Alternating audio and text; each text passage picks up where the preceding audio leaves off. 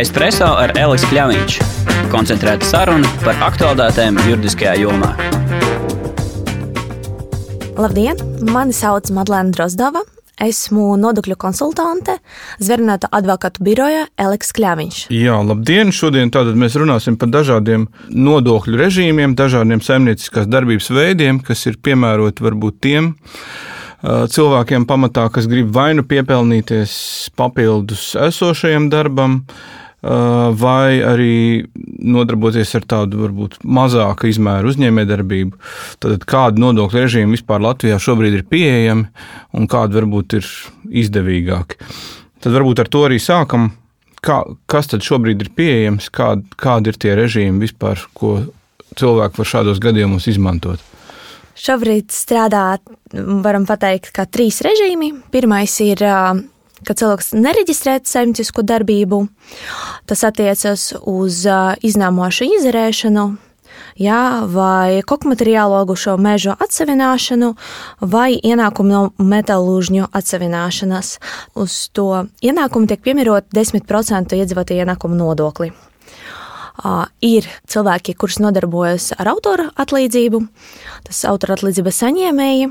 Viņam arī nav pienākuma reģistrēties. Uh, Viņam tiek piemērota 25% līdz 25,000 eiro un 40% iedzīvotāju ienākumu nodokli, ja šis slieksnis ir pārsniegts.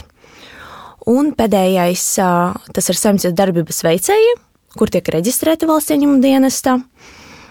Viņam tiek piemēroti 20, 23 un 31%. Nu jā, tas ir atkarīgs no kāda nodokļu režīma. Bet, teiksim, par autora atlīdzību saņēmējiem viņi var nereģistrēties, bet var arī reģistrēties. Ne? Ka, ka, jā, viņi var, viņi var izvēlēties, jo tā domā reģistrēties kā autora atlīdzības saņēmējs, lai paziņotu par sociālajiem iemaksām. Jo pārsvarā autora atlīdzības saņēmēji var nereģistrēties. Nu, tātad, un kam ir piemērots šis režīms?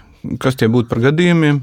Tas ir piemērots tiem, kuri nodarbojas ar radošiem darbiem, kuri raksta rakstus, kaut kādus dramatiskus vai citas literārus darbus, dejotājiem, choreogrāfiem, māksliniekiem. Tā kā visi, kuri rāda kaut kādu savu darbu, tiem var piemērot to autora atlīdzību. Bet eh, eh, šajā gadījumā kurš maksā pasūtītājs vai pakalpojums sniedzējs? Pārsvarā pasūtītājs. Pasūtītājs ietur uh, autora atlīdzību, no autora atlīdzības iedzīvotāju ienākumu nodokli un maksā budžetā. Tad un, faktiski pašam izpildītājam nekas nav jāmaksā. Nav nekas jāmaksā, nav, nav jāsniedz ziņojumus. Pārsvarā jā, tas ir uh, izmaksāta atbildība. Ja otrai puse ir juridiska persona. Tad viņiem ir uh, atbildība. Uh mhm. -huh. Nu, tad faktiski diezgan ērts režīms. Bet uh, cik ir tā likme, jūs teicāt, šajā gadījumā?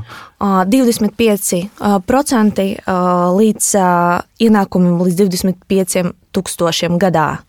Ja šis slieksnis ir pārsniegts, tad tiek piemērota 40% likme. Uh, ir starpība tāda, ja, pieņemsim, autoratlīdzības saņēmēji saņem autoratlīdzību dažādas vietas, jā, tad, protams, gada beigas tiek veikts parēķins, un lai tiek aprēķināti kopienākumi, jo katra vieta var ieturēt tik 25%. Un, ja pieņemsim gada laika tiek pārsniegts tie 25%, tad pēc būtības. Jā, es atvainojos, 25 tūkstoši. Tad autoratlīdzības saņēmējiem jāsamaksā to starpību. Varbūt tas, tas arī diezgan nav, nav ērti. Ka cilvēkam pēc tam, kad viņš saņēma it kā neto atlīdzību, pēc tam jāpiemaksā klāt. Mm -hmm. Ok, bet eh, šis ir nodokļu režīms, ko laikam jau pagājušajā gadā bija plānots beigt, bet tad pagarināja. Te, un, un faktiski šo, šogad mums atkal ir jāgaida, vai viņi vēlreiz pagarinās, vai viņš šogad arī beigsies. Tieši tā, pagaidām šis režīms strādās līdz 31. decembrim. Nu, tad gaidīsim, kādas būs uh, izmaiņas, uh, vai, šis, vai šis režīms būs izbeigts šajā gadā. Un tad kas būtu jādara šiem cilvēkiem, ja viņš beigsies? Tad jāreģistrējas kā saimnieciskai darbības veicējiem, nu, vai dibināt savus uzņēmumus. Ok, labi. Tad mēs arī nonākam pie nākamā nākamā lielā režīma, tātad zemnieciskās darbības veicēji, viss šis lielais apjoms, kāda tad šeit ir režīma pieejama, pieņemot, ka mēs runājam vai nu par individuāliem cilvēkiem, vai par ļoti maziem uzņēmumiem. Ja cilvēks ir reģistrēts kā saimnieciskās darbības veicējs, viņam ir divas opcijas - maksāt iedzīvotāju ienākumu nodokli, kā mēs jau runājam, tā ir 20, 23, 31% atkarīgi no apgrozījuma, no, atkarīgi no ienākuma. Vai reģistrēties kā mikro uzņēmuma nodokļu maksātājiem. Tur ir diezgan līdzīga tā likme kā autoratlīdzības saņēmējiem. Tur ir 25% līdz 25 tūkstošiem gadā un 40% ja šis slieksnis tiek pārsniegts. Ko tagad valsts piedāvā? Pamatojas uz to, ka mikro uzņēmuma maksātāji maksā tikai no ienākuma, jā, nav tur opcijas atskaitīt izdevumus. Jā. Valsts ieņēmuma dienas piedāvā atvērt saimnieciskā darbības ieņēmumu kontu, kad tie ieguvumi no tā, ka visa nauda, viss ienākums iet uz to kontu, un tad tur automātiski tiek ieturēts mikro uzņēmuma nodoklis, un tad uz konta paliek neto, neto ienākums. Nu, mikro uzņēmumam arī laikam ir pieejams tā vienkāršotā grāmatvedība, vai ne? Kur, kur, kur faktiski bez grāmatveža var tikt galā, tas tu pats vari to vest. Tieši tā. Uh -huh. uh, bet uh, vispār runājot par mikro uzņēmumu nodokli, ir tāds sajūta, ka valsts īsti negrib šo režīmu. Nu, tā kā lai cilvēki izvēlētos, jo likme tomēr ir pacelt diezgan būtiski. Ja tev tie 25,000 slieksnis pie esošās inflācijas jau vairāk nav tie 25,000, kas bija pirms dažiem gadiem, vai ne? Jā. Un tev jāpāriet uz 40%, tas tomēr ir ļoti liela likme salīdzinoši. Uh, jā, tieši tā. Šis uh, režīms bija pieņemts. Uh, 2010. gadā, kad viņš bija izdomāts, un toreiz tie bija tikai 9% un tika piemērots arī uzņēmumiem. Jā, tas bija diezgan uh, fantastisks režīms, jā, tiem uzņēmumiem, kur uzsākt darbību. Bet uh, pamazām, pamazām, diemžēl, uh, tiek izmantot, kā Vīts secināja, nepareizi nolūkos. Jā, tiek dibināti vairāki uzņēmumi, ki tiek nodarbināti pa pieci darbiniekiem, un, protams, tāpēc no sākumā šis režims bija pārtraukts, piemērots uzņēmumiem. Jā, tā likme bija palielināta. Pašbrīd pagaidām tas ir piemērots tikai fiziskam personam, un, protams, kā jūs pareizi pateicāt, pagaidām tagad, tagad ir tie tā likme ir diezgan ir augsta. Bet kam vispār šis režīms būtu interesants?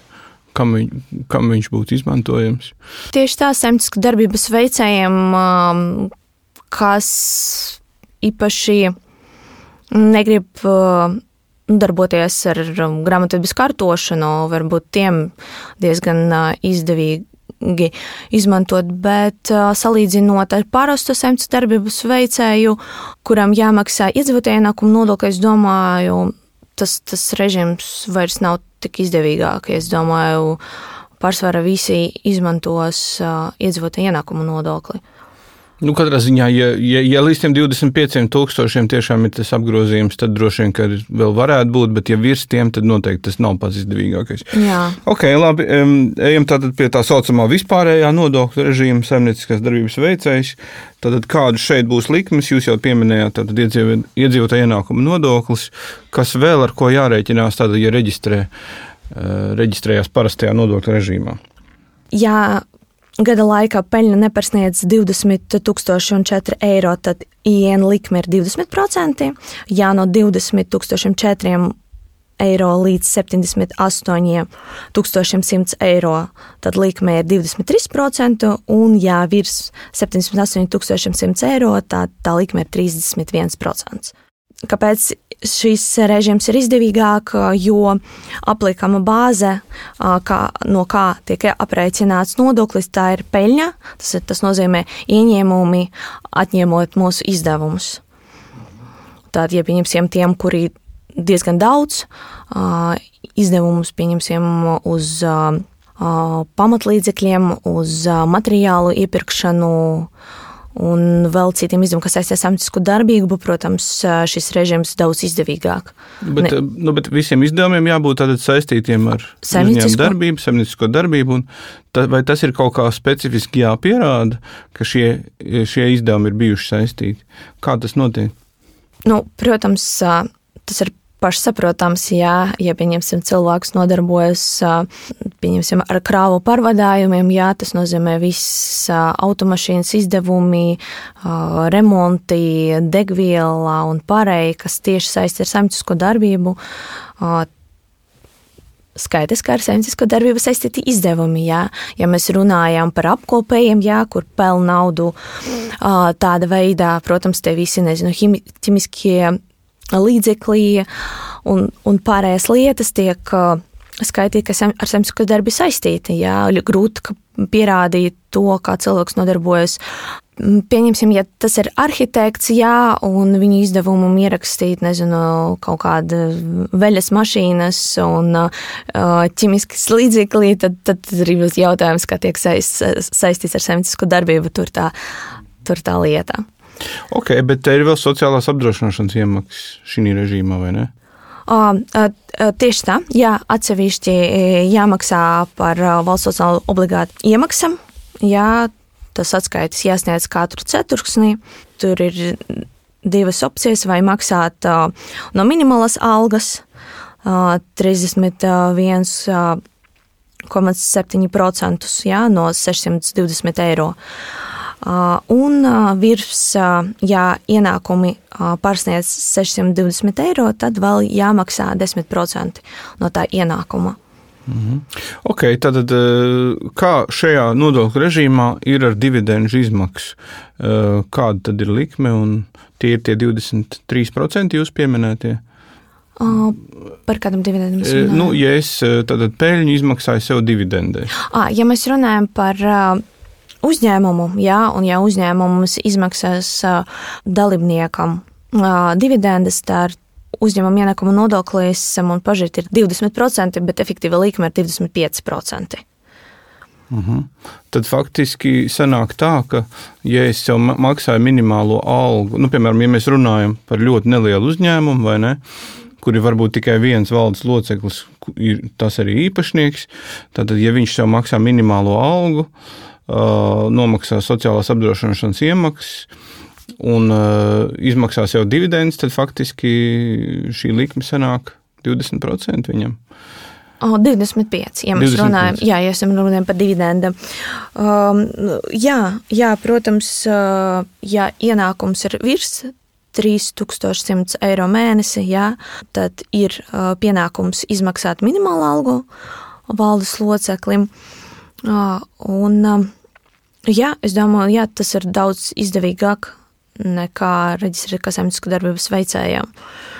Bet nu, arī tur nu, jāskatās, cik tie, tie, tie izdevumi jā, un kas tas strādā. Bet jā, un ja ienākums ir mazāk par tiem 3100 eiro, tad vispār nav pienākuma maksāt algu. Jā, jo uzņēmums ir diezgan mazs un pagaidām nav, nav uh, spēkā vēl uzturēt kaut kādus darbiniekus. Okay. Labi. Kas notiek tādos gadījumos, ja cilvēks faktiski sniedz pakalpojumus, ienākumus saņem, bet nekādā veidā neko nav reģistrējis, nekādus nodokļus nemaksā? Kas notiek šādā gadījumā? Nu, šajā gadījumā valsts ieņem dienests var aprēķināt iedzīvotāju ienākumu nodokli Jā, var secināt, ka tikai veiks saimnieciska darbība, un tad papildus, ja pieņemsim šis audits vai pārbaude būtu pēc kaut kāda laika, tad vēl būs aprēķināti gan nokavējuma nauda, gan varētu būt kaut kāda soda nauda, atkarīgi kāda. Zem kāda procesa tas būtu konstatēts. Jā, vīds vienmēr, kad fiziskas personas sniedz gada ienākuma deklarācijas, vīds prasīja Mums sūta jautājums par to, kāpēc ir atšķirības starp konta apgrozījumu un uh, ienākumu, uh, kas ir norādīts uh, gada ienākuma deklarācijā. Tāpēc um, arī tiem cilvēkiem, kuri neveic nekādu semtisku darbību, tas kaut kāda iemesla pēc, jā, Un, tāpēc tāpēc jautājumi var būt nosūtīti jebkurā brīdī. Mm. Un, un, un es tā saprotu, ka šīs soda naudas tas jau varētu būt pa vairākiem gadiem arī uz atpakaļ, vai ne? Nevis tikai par to gadu, kad konstatēja. Valsts ieņem dienas var veikt pārbaudi par trim gadiem iepriekš no iesniegšanas brīža. Jā, tas būtu skaidrs, bet kuros gadījumos cilvēkiem varbūt nav jāsatraucās un nav jādibina ne uzņēmumi, ne jāreģistrējas kā saimnieciskās darbības veicējiem, jo gluži jau tā nav, ka visu, ko mēs pērkam vai pārdodam, automātiski ir jāuzskata par uzņēmējdarbību. Ļoti populāri tagad tika izmantota SSLV platforma un Andelē, kur cilvēki pārdod savas lietotas mans. Jā, šajā gadījumā tas neskaitīsies kā saimnieciska darbība, jo tiek pārdot jau savas lietotas mans. Jā. Protams, ja tur tiek pārdot jaunas, ar peļņu gūšanas raksturu, tad tā, tas skaitīsies kā saimnieciska darbība. Bet tad vidi vid droši vien pievērš uzmanību arī tam, Jā. kas šeit notiek šajās platformās. Jā. Jo kaut vai tajā pašā auto tirgu, tur taču arī kaut kas, ja es katru mēnesi pa vienai mašīnai. Jā, tad... manos laikos, kad es strādāju valsts ieņēmuma dienestā, bija daļas, kuri sekoja SS platformai un skaties par tiem visiem para, jauniem paradītiem uh, uzņēmējiem, jā, kur nav reģistrēti, kuri pārdod jaunas kaut kādas lietas. Labi, tad pārsvarā mēs esam apskatījuši šos nodokļu režīmus, kas attiecās uz vai nu fiziskām personām, saimnieciskās darbības veicējiem vai autora atlīdzības saņēmējiem, vai arī mazām juridiskām personām, jo faktiski jau tā robeža, nu, kad fiziska persona pārto par juridiski, ir tikai uzņēmuma noreģistrēšana, vai ne? Jā, nu vienīgais, protams, reģistrēt uzņēmumu tā ir liela atbildība gan izdevumu ziņā, jā, reģistrēšana, ārpakalpojumu grāmatveža pakalpojumi, tas papildu izdevumi. Protams, kad tu esi zemes darbības veicējs, tu pats vari kārtot grāmatvedību. Jā, protams, tas ir aizņem kaut kādu laiku, bet tomēr visi, visi dokumenti pie tevis, jā, tu vari kontrolēt. Tā kā tā, protams, tas ir jau nākamais solis lielāka atbildība dibināt Nē, uzņēmumu. Tā ir. Bet sakiet, kā jums šķiet, kā nodokļu ekspertei, vai nav, ja mēs tiešām koncentrējamies tikai uz šiem nu, salīdzinoši nelielu ienākumu saņēmējiem, bet kas paši vai nu veic mazu uzņēmē darbību vai piepelnās, vai tie nodokļu režīmi tomēr nav ļoti sadrumstalot, vai nav tā, ka nu, būtu vienkāršāk saprotams, ja būtu viens nodokļu režīms kaut kāds visiem šiem mazajiem, kurā tad viņi arī strādā. No tā, man liekas, tā ir mūsu nākotnē, jo paliks pēc būtības tikai viens režīms, saimniecības darbības veicējs, kas maksās iedzīvotāju ienākumu nodokli. Un būs šis režīms, un tad jau uzņēmuma ienākuma nodoklis, kad tiek dibināti uzņēmumi. Jo gan, kā mēs jau pateicām, gan autora atlīdzības saņēmē tas režīms varētu būt pabeigts 1. janvāri, jā, un varbūt mikro uzņēmumu un nodokļu maksātājiem arī nebūs izdevīgi izmantot šo režīmu, un varbūt pēc kaut kāda laika tas arī būs izbeigts. Nu jā, jo teiksim, pēc likmēm, ja skatās, tad viņš diezgan bezjēdzīgs izstāsta šobrīd. Jau. Vai jums ir zināms, ka ir kaut kādas teiksim, pārmaiņas plānotas vēl bez autora atlīdzību šī nodokļu režīma, nu, teiksim, ierastajā nodokļu režīmā, attiecībā uz saimnieciskās darbības veicējiem, vai, vai ir kaut kāda plāna, kaut ko mainīt, kaut ko grozīt? Nu, pagaidām nav dzirdams. Mm -hmm. Tad tikai tas, ka autora atlīdzību saņēmējiem gan jāskatās uzmanīgāk, kas mainīsies viņu sfērā. Tātad, bet nobeidzot, gribētos varbūt tādu kopsavilkumu par to, kurā brīdī cilvēkam būtu izdevīgi palikt kā saimnieciskās darbības veicējiem, un kad tomēr varbūt jau jādomā par to uzņēmumu? Um, jā, saimnieciskās darbības. Uh... Veicēja režīma ar iedzīvotāju ienākumu nodokli ir diezgan izdevīgs, jā, jo uh, nodoklis tiek piemērots tikai no peļņas, jā, ka tu vari no ieņēmuma atskaitīt savus izdevumus, bet, ja pieņemsim, apgrozījums ir viss 78,100 eiro, tad šajā gadījumā ir vērts padomāt, reģistrēt uzņēmumu. Labi, liels paldies. Es domāju, ka šodien mēs guvām tādu ļoti labu priekšstatu par eksistējušiem nodokļu režīmiem un skatīsimies, kā tie vēl mainīsies. Jo tiešām šķiet, ka no nu, attiecībā uz šiem nelieliem uzņēmējdarbības veicējiem, vienalga fiziskā persona vai uzņēmuma formā, šie režīmi ir ļoti dažādi pagaidām un varbūt arī tādam cilvēkam no malas, kurš varbūt tikko ar to saskarās, ir tāda sajūta, ka neko nevar saprast. Um, un, un tāpēc droši vien būtu vēlams, ka tiešām šie režīmi saplūst kaut kādā vienā formā, kas būtu saprotama visiem nelielajiem uzņēmējiem, kas vai nu piepelnās pie esošā darba papildus, vai arī veids kaut kādu ļoti mazu uzņēmējdarbību paši. Espreso ar Elisu Kļāviņš. Koncentrēta saruna par aktuālitātēm juridiskajā jomā.